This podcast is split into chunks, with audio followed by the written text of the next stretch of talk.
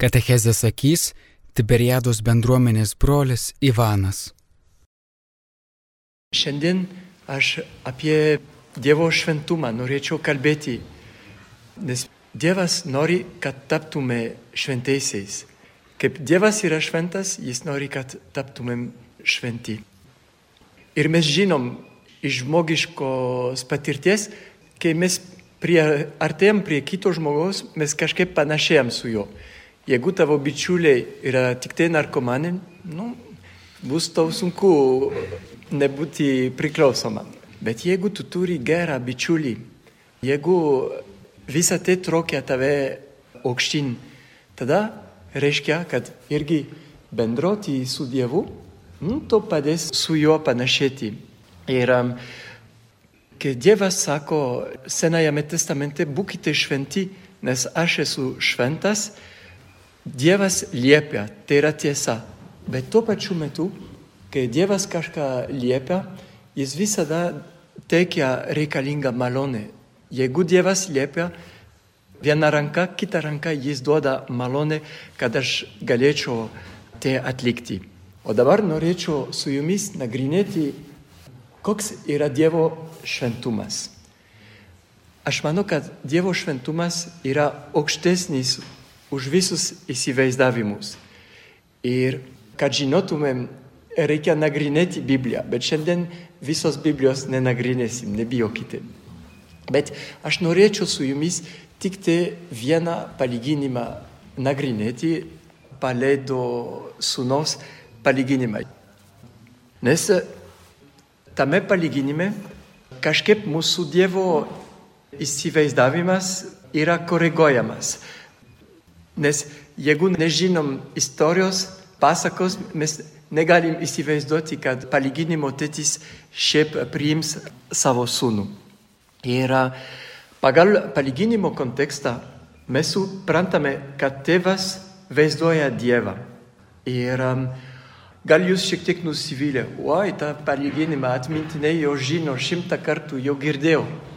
Aš maldoju jūs šiandien šimtą vieną kartą dar klausykit su naujomis ausimis, su nauja širdimi.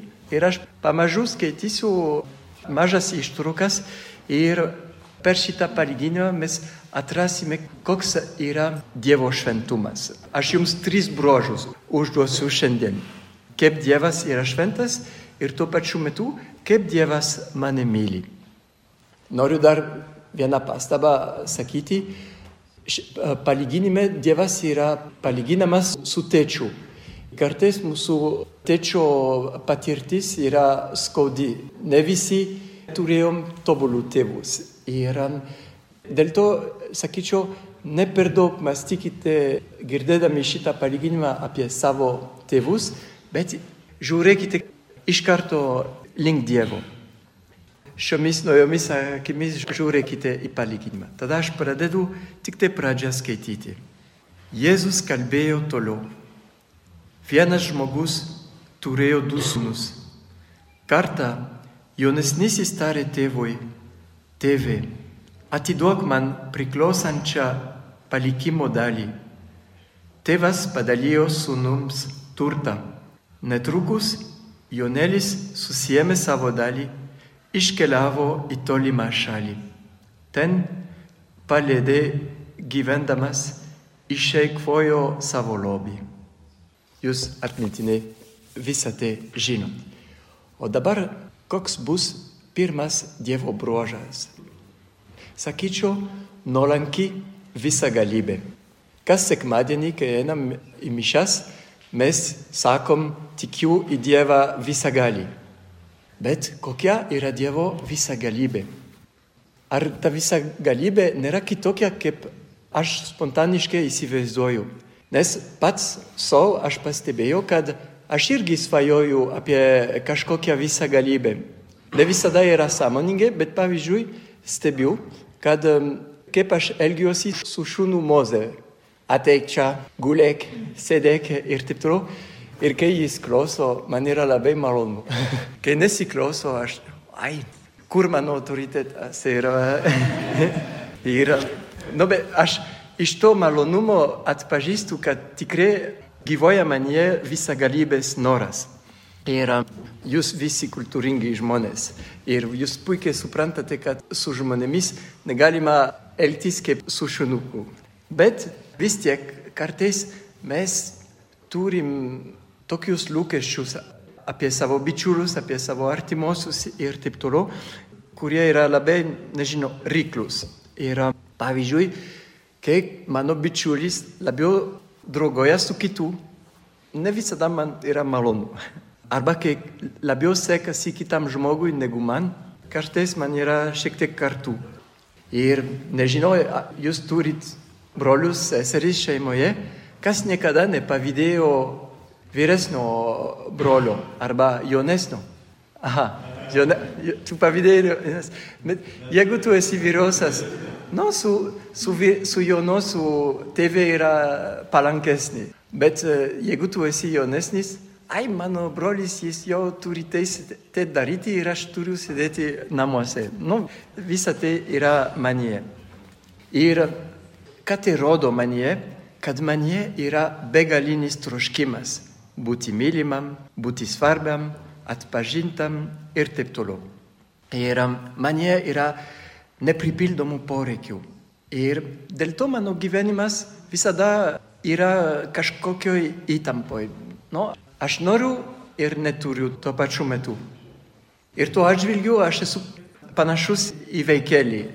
Mes žinom, kad vaikelis nėra visagalis, bet kai jis verkia, jis liepa mamai maitinti, jis verkia iš pykčio, iš visokių nepasitenkinimų. Ir mama turi viską pripildyti. O pamažu vaikelis mokysis kantrybės, kadangi mama negali iš karto patenkinti. Ir aš irgi visą gyvenimą aš turiu tos kantrybės mokytis. Ne, kiti žmonės pilnai negali manęs pripildyti, patenkinti. Ir visą tai aš galiu turėti omeny, kai žmonės neatitinka mano temperamentui, kaip aš reaguoju. Ir čia, dabar grįžtu prie palyginimo, mes galim spėlioti, kad sunus tikrai šokiruoja tėtį. Kai jis ateina prie tėčio ir prašo palikimo dalies ir po to jis staiga iškelioja, nu, gal yra skaudu tėčiui, nors nieko nėra sakoma apie tai. Bet ką mes matom, kad tėtis neprieštaroja. Ir čia yra Dievo pirmas bruožas, kas myli, būtent gerbia mylimo laisvę. Žinoma, su nepilnamečiais reikia šiek tiek laisvę apriboti, nes ta laisvė vis dar bresta.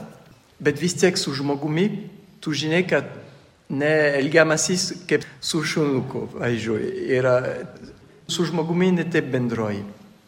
Ir um, aš manau, kad visi, kai mes mylim, mes norim, kad žmonės laisvė prie mūsų prieitų. Ne iš baimės, ne iš reikalo, ne iš prievartos, bet iš laisvės iš tikrųjų. Ir įsivaizduokite, kad jūs tumėte mylimi, tik tai reikėtų spausti ant mygtuko. Spauskite vienetą, tu esi šaunus, spauskite trejetą, aš tave myliu ir taip toliau. Ar kas tuo pasitenkintų? Niekas. Mes, jeigu mums būti mylimiems, tai reiškia, kad kiti žmonės mus gerbia, mus myli iš vidaus, ar ne? Ir negalim liepti.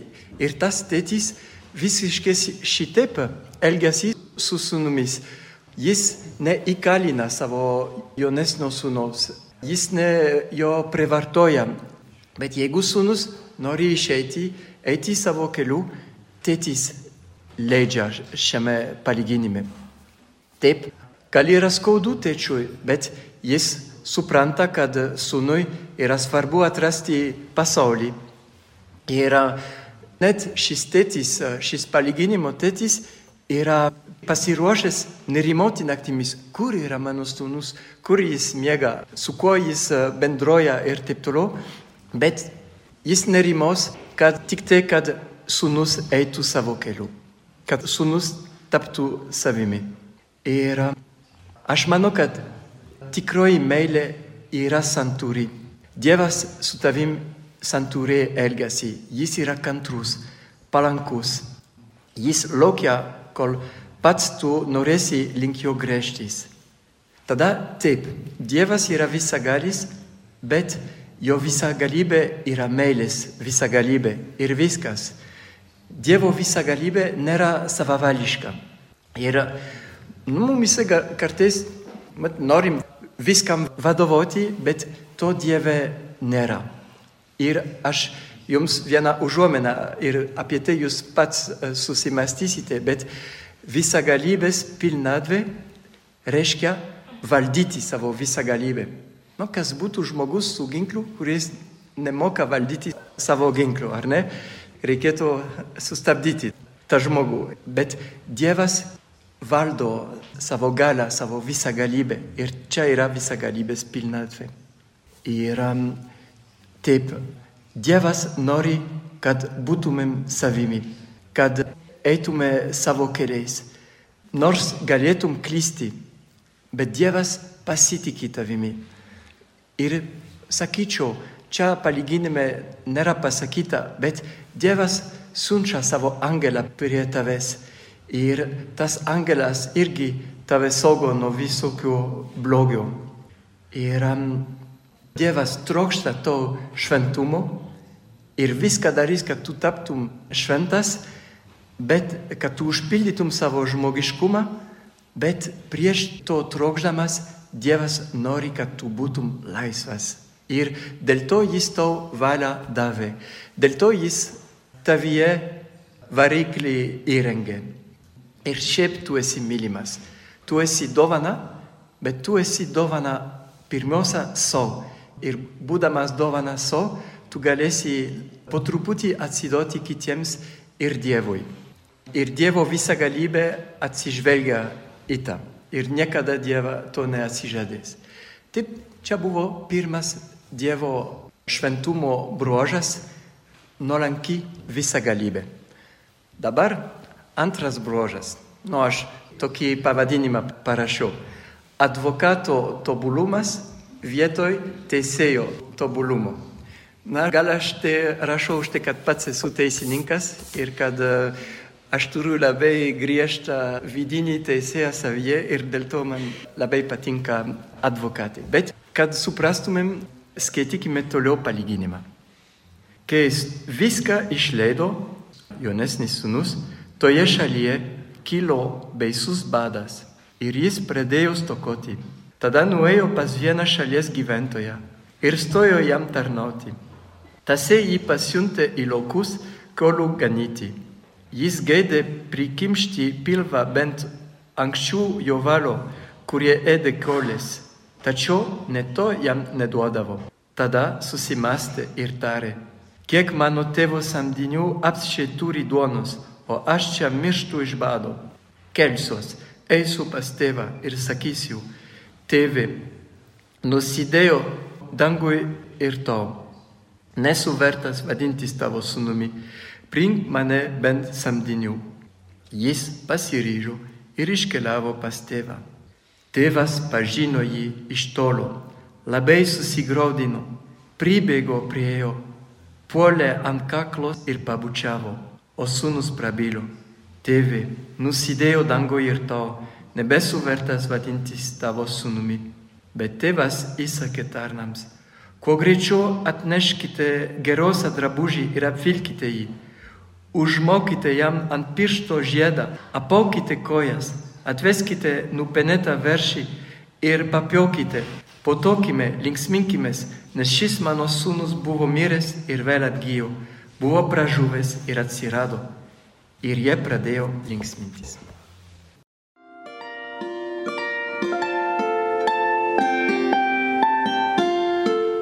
Jūs girdite Marijos radiją.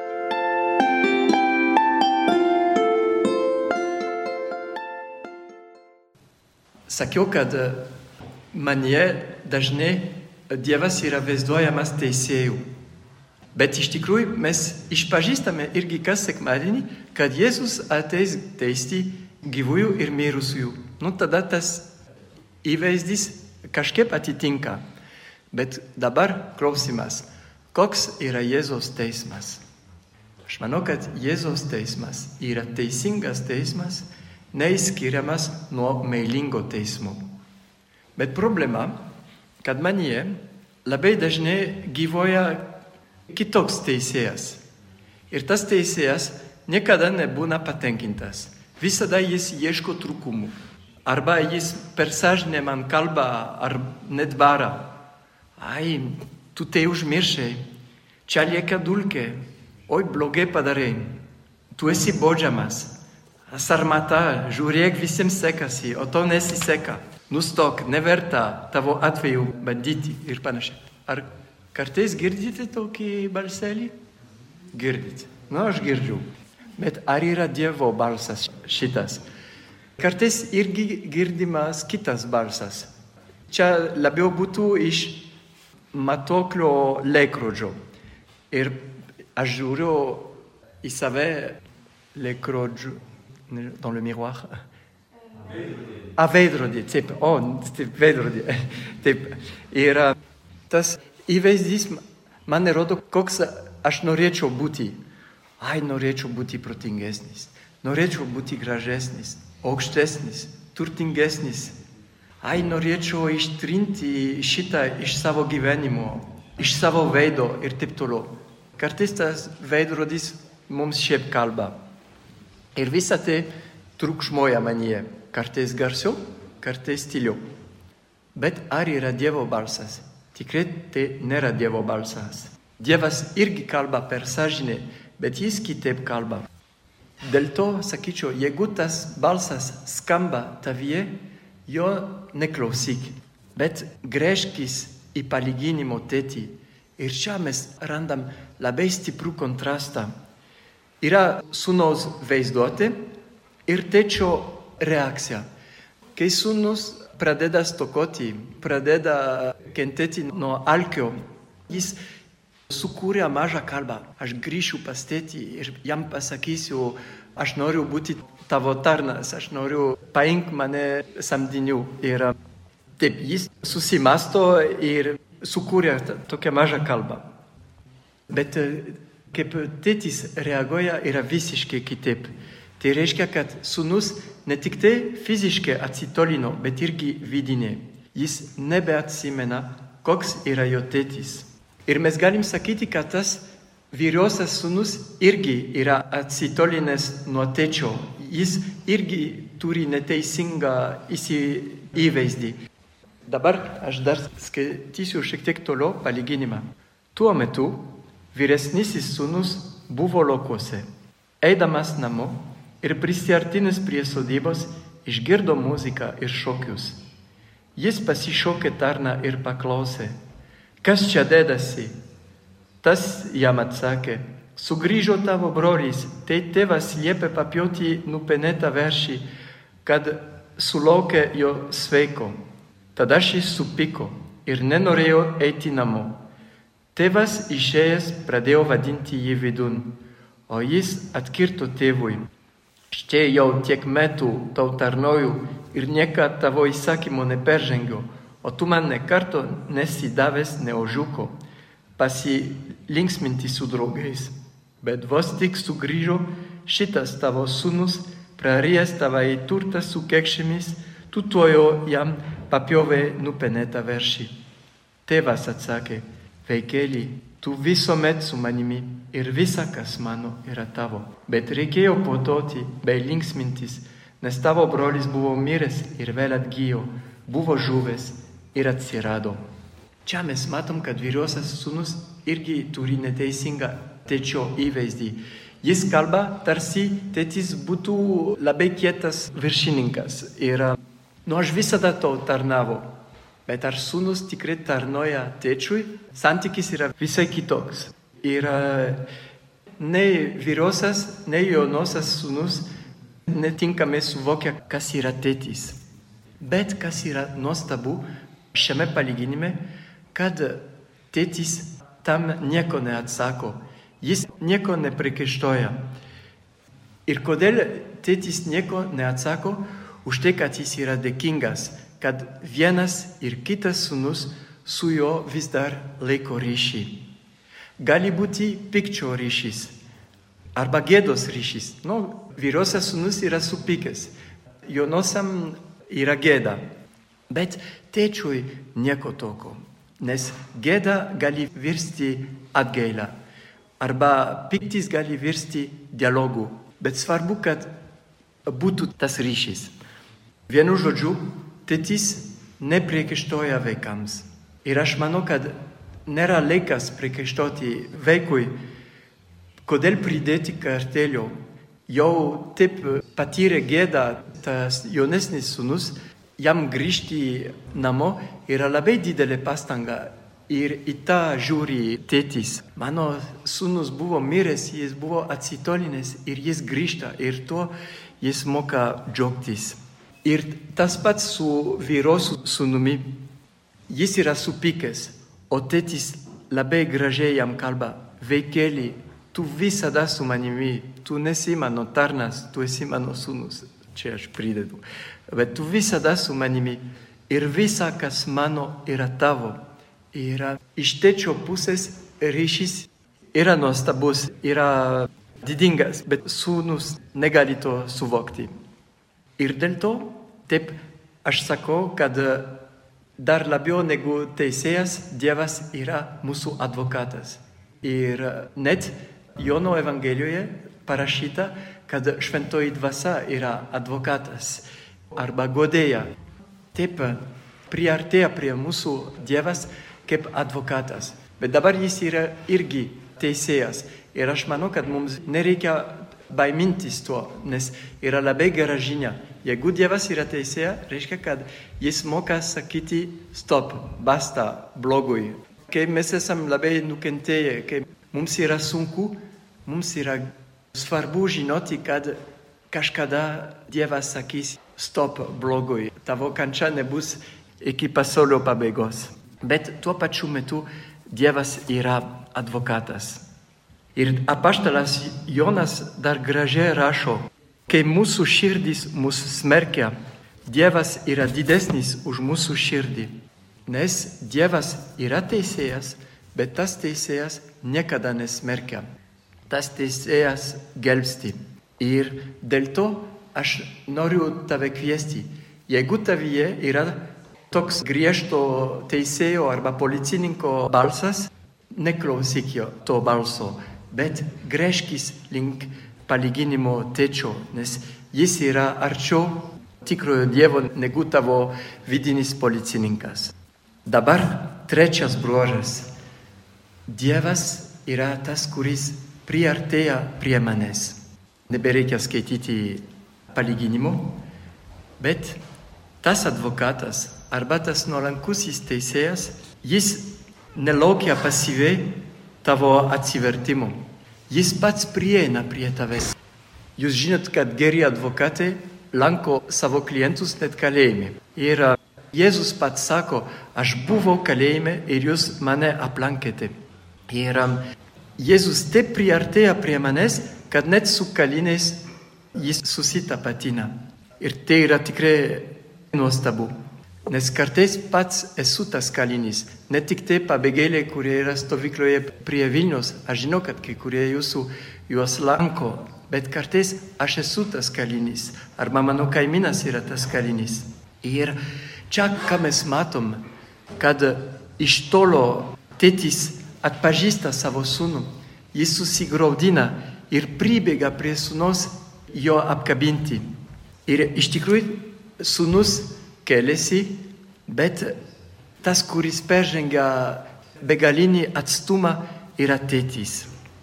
Ir kai aš žengiu vieną žingsnių link Dievo, Dievas žengia daug žingsnių. Ir um, man reikia atsistoti, keltis kaip tas sunus ir Dievas viską papildo. Ir aš noriu vieną mažą pasakojimą iš vasaros stovyklos papasakoti.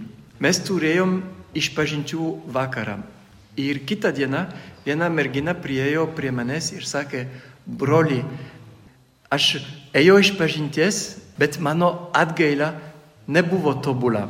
Ir tuo esu labai liūdna. Aš norėčiau, kad mano atgaila būtų buvis gilesnė, tikresnė. Aš tengiausi, bet Norėjau kaip geriau, bet išėjau kaip visada. Iš tikrųjų, tas merginos pasisakymas yra labai gražus ir autentiškas. Ta mergina suvokia, kad gailestingumas yra neperkamas ir neparduodamas, bet dovanojamas, nes gailestingumas iš tikrųjų yra neįkainojamas. Aš pripažįstu, kai aš einu iš pažinties, ne visada einu su tokiu samoningumu. Labai dažnai aš savo nuodėmės neduodu gerajam Dievui, bet vidiniam teisėjui ar policininkui ir stengiuosi atsiskaityti su juo. Bet gera žinia, kad gailestingasis Dievas papildo mūsų trūkumus. Nors aš nejau iš pažinties pas Dievą, bet pas policininką, nusiraminti, Dievas tuo pasitenkina ir pripildo trūkumus. Dievas mato, kad tavo žingsnis buvo nuoširdus ir jam užtenka. Kaip Dievas atleidžia nuodėmės yra nesuvokiama. Aš manau, kad Dievas yra vienintelis, kuris moka ištrinti mūsų nuodėmės. Kai mes turim kažką atleisti, praeities negalim ištrinti.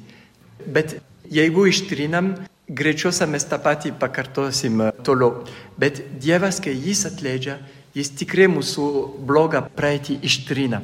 Ir tai daro tas palyginimo tėtis, jis neklauso sunaus, jis tik tai apkabina ir sako, jis buvo miręs ir jis sugrįžo, jis yra gyvas, prisikėlęs. Dievas moka užmiršti atleistas nuodėmės ir tai yra fantastiška, nes taip kuria nepalyginama bendrystė tarp Dievo ir mūsų. Ir toks buvo trečias bruožas - Dievas yra tas, kuris priartėja prie manęs. Taip pakartoju tris bruožus - nuolanki visagalybė, advokato tobulumas ir Dievas priartėjantis. O dabar išvada. Nes aš manau, kad Dievo šventume yra dar ketvirtas bruožas, bet neminėtas palyginime. Dievo šventumas, Dievo gailestingumas tave siunčia, kelkis. Ir palaidūnas sūnus kalbasi, aš kelsiuosi. Ir viešpats labai dažnai sako žmonėms, kelkis ir eik. Ir jis žada taip pat, tu būsi man reikalingas, tu būsi man atrama, tu būsi mano rankos. Ir aš veiksiu per tave. Ir dėl to Jėzus prie Tiberiados ežero pasišokia mokinius, aš jūs padarysiu žmonių žvėjais. Tada tu irgi kelkis, įsipareigok kur nors, yra daug būdų, kaip užimti savo ranką, savo gerą valią ir taip toliau. Ir taip, būk šventas, atsakydamas į Dievo kvietimą, kelkis ir ateik paskui mane, nes tikrai Dievas tave siunčia. Čia palyginime nesimato, bet aš manau, kad yra labai svarbus Dievo brožas, jis visada yra tas, kuris kviečia žmogų, jis jam teikia misiją. Katechezė apie Dievo šventumą sakė Tiberiados bendruomenės brolis Ivanas.